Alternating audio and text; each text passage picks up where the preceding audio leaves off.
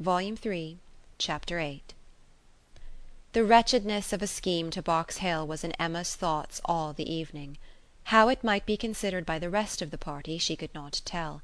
They, in their different homes and their different ways, might be looking back on it with pleasure; but in her view it was a morning more completely misspent, more totally bare of rational satisfaction at the time and more to be abhorred in recollection, than any she had ever passed.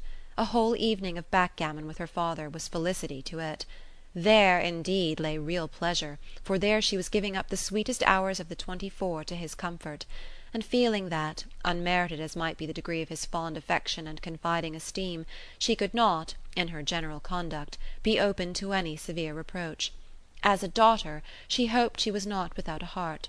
She hoped no one could have said to her: "How could you be so unfeeling to your father? I must, I will tell you truths while I can." Miss Bates should never again no, never. If attention, in future, could do away the past, she might hope to be forgiven. She had been often remiss, her conscience told her so; remiss, perhaps, more in thought than in fact, scornful, ungracious. But it should be so no more: in the warmth of true contrition she would call upon her the very next morning, and it should be the beginning, on her side, of a regular equal kindly intercourse. She was just as determined when the morrow came, and went early, that nothing might prevent her. It was not unlikely, she thought, that she might see Mr. Knightley in her way; or perhaps he might come in while she were paying her visit. She had no objection; she would not be ashamed of the appearance of the penitence, so justly and truly hers. Her eyes were towards Donwell as she walked, but she saw him not. The ladies were all at home. She had never rejoiced at the sound before, nor ever before entered the passage nor walked up the stairs with any wish of giving pleasure but in conferring obligation, or of deriving it except in subsequent ridicule. There was a bustle on her approach, a good deal of moving and talking; she heard Miss Bates's voice, something was to be done in a hurry, the maid looked frightened and awkward, hoped she would be pleased to wait a moment, and then ushered her in too soon. The aunt and niece seemed both escaping into the adjoining room.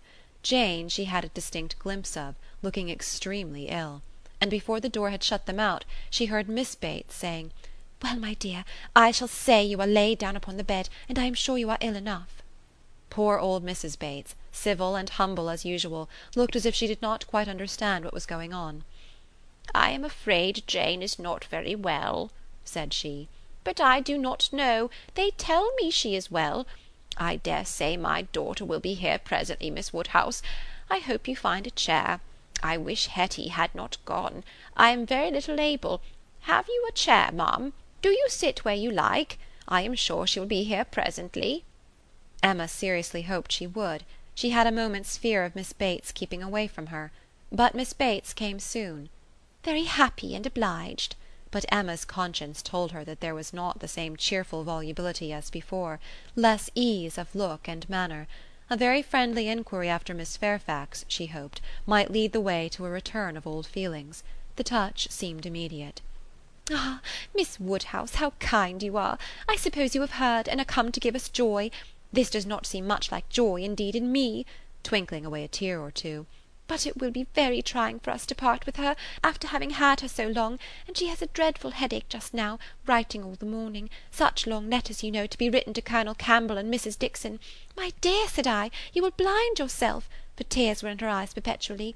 One cannot wonder, one cannot wonder.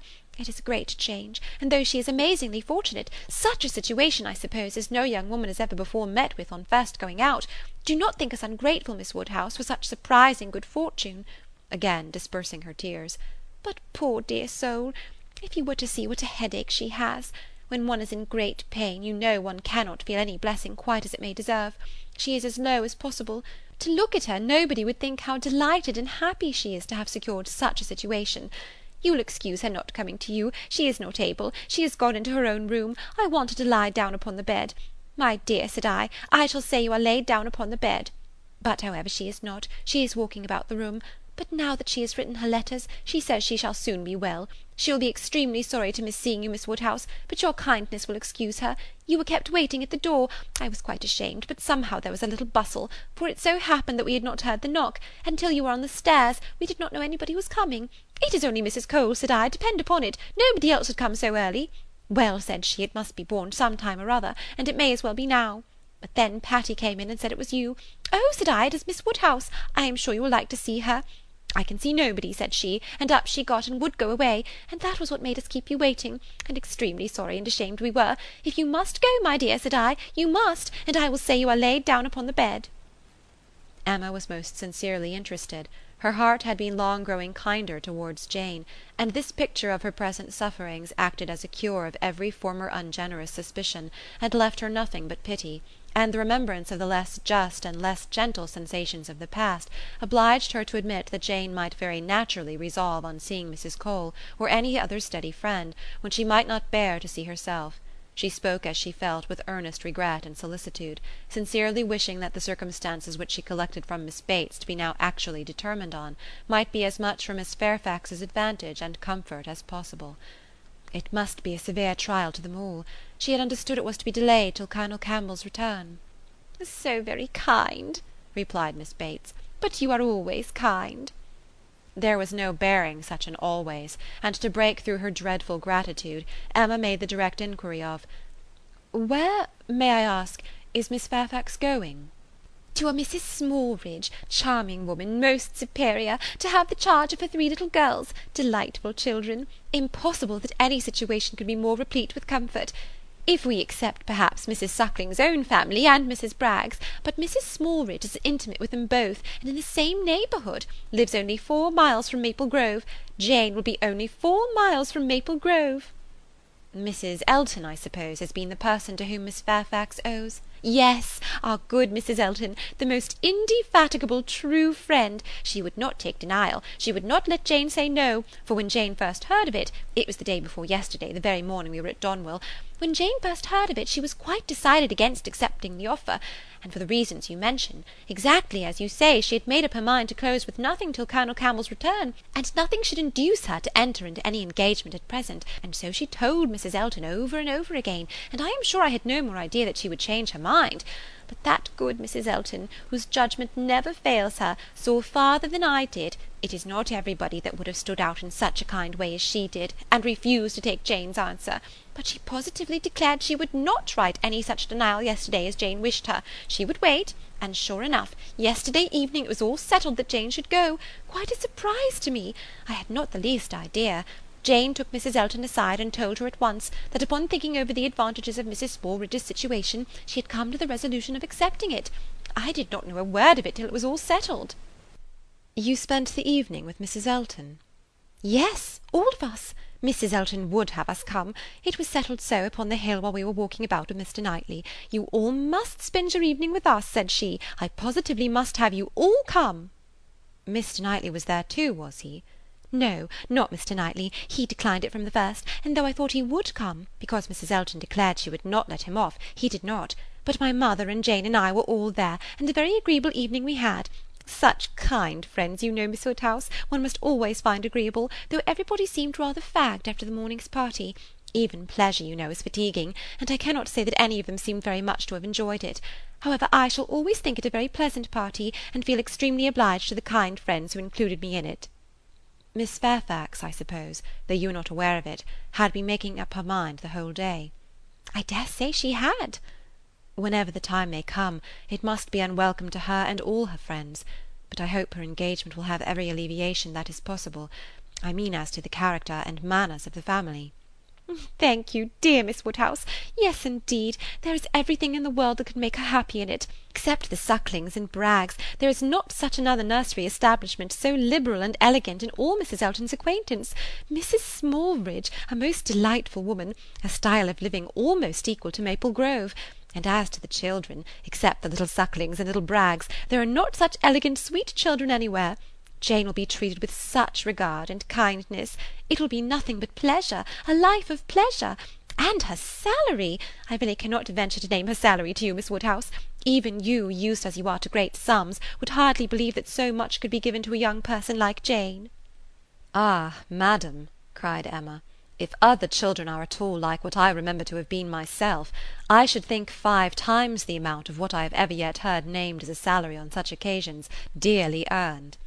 You are so noble in your ideas. And when is Miss Fairfax to leave you? "Very soon, very soon indeed; that's the worst of it; within a fortnight. Mrs. Smallridge is in a great hurry. My poor mother does not know how to bear it. So then I try to pull it out of her thoughts, and say, 'Come, ma'am, do not let us think about it any more.'" "Her friends must all be sorry to lose her; and will not Colonel and Mrs. Campbell be sorry to find that she has engaged herself before their return?" "Yes, Jane says she is sure they will; but yet this is such a situation as she cannot feel herself justified in declining. I was so astonished when she first told me what she had been saying to Mrs. Elton, and Mrs. Elton at the same moment came congratulating me upon it. It was before tea. Stay, no, it could not be before tea, because we were just going to cards. And yet it was before tea, because I remember thinking Oh, no, now I recollect, now I have it. Something happened before tea, but not that. Mr. Elton was called out of the room before tea. Old John Abdy's son wanted to speak with him. Poor old John, I have a great regard for him. He was clerk to my poor father twenty seven years ago. And now, poor old man, he is bedridden, and very poorly with the rheumatic gout in his joints. I must go and see him to day, and so will Jane, I am sure, if she gets out at all. And poor John's son came to talk to Mr. Elton about relief from the parish.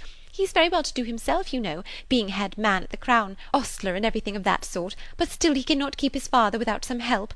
And so when Mr. Elton came back he told us what John Ostler had been telling him, and then it came out about the chaise having been sent to Randalls to take Mr. Frank Churchill to Richmond.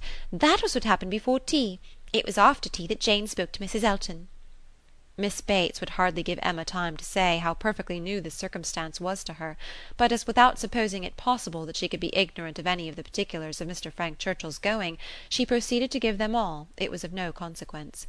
What Mr. Elton had learned from the ostler on the subject being the accumulation of the ostler's own knowledge, and the knowledge of the servants at Randalls, was, that a messenger had come over from Richmond soon after the return of the party from Box Hill, which messenger, however, had been no more than was expected, and that Mr. Churchill had sent his nephew a few lines, containing, upon the whole, a tolerable account of Mrs. Churchill, and only wishing him not to delay coming back beyond the next morning early but that Mr. Frank Churchill having resolved to go home directly, without waiting at all, and his horse seeming to have got a cold, Tom had been sent off immediately for the Crown chaise, and the ostler had stood out and seen it pass by, the boy going a good pace, and driving very steady.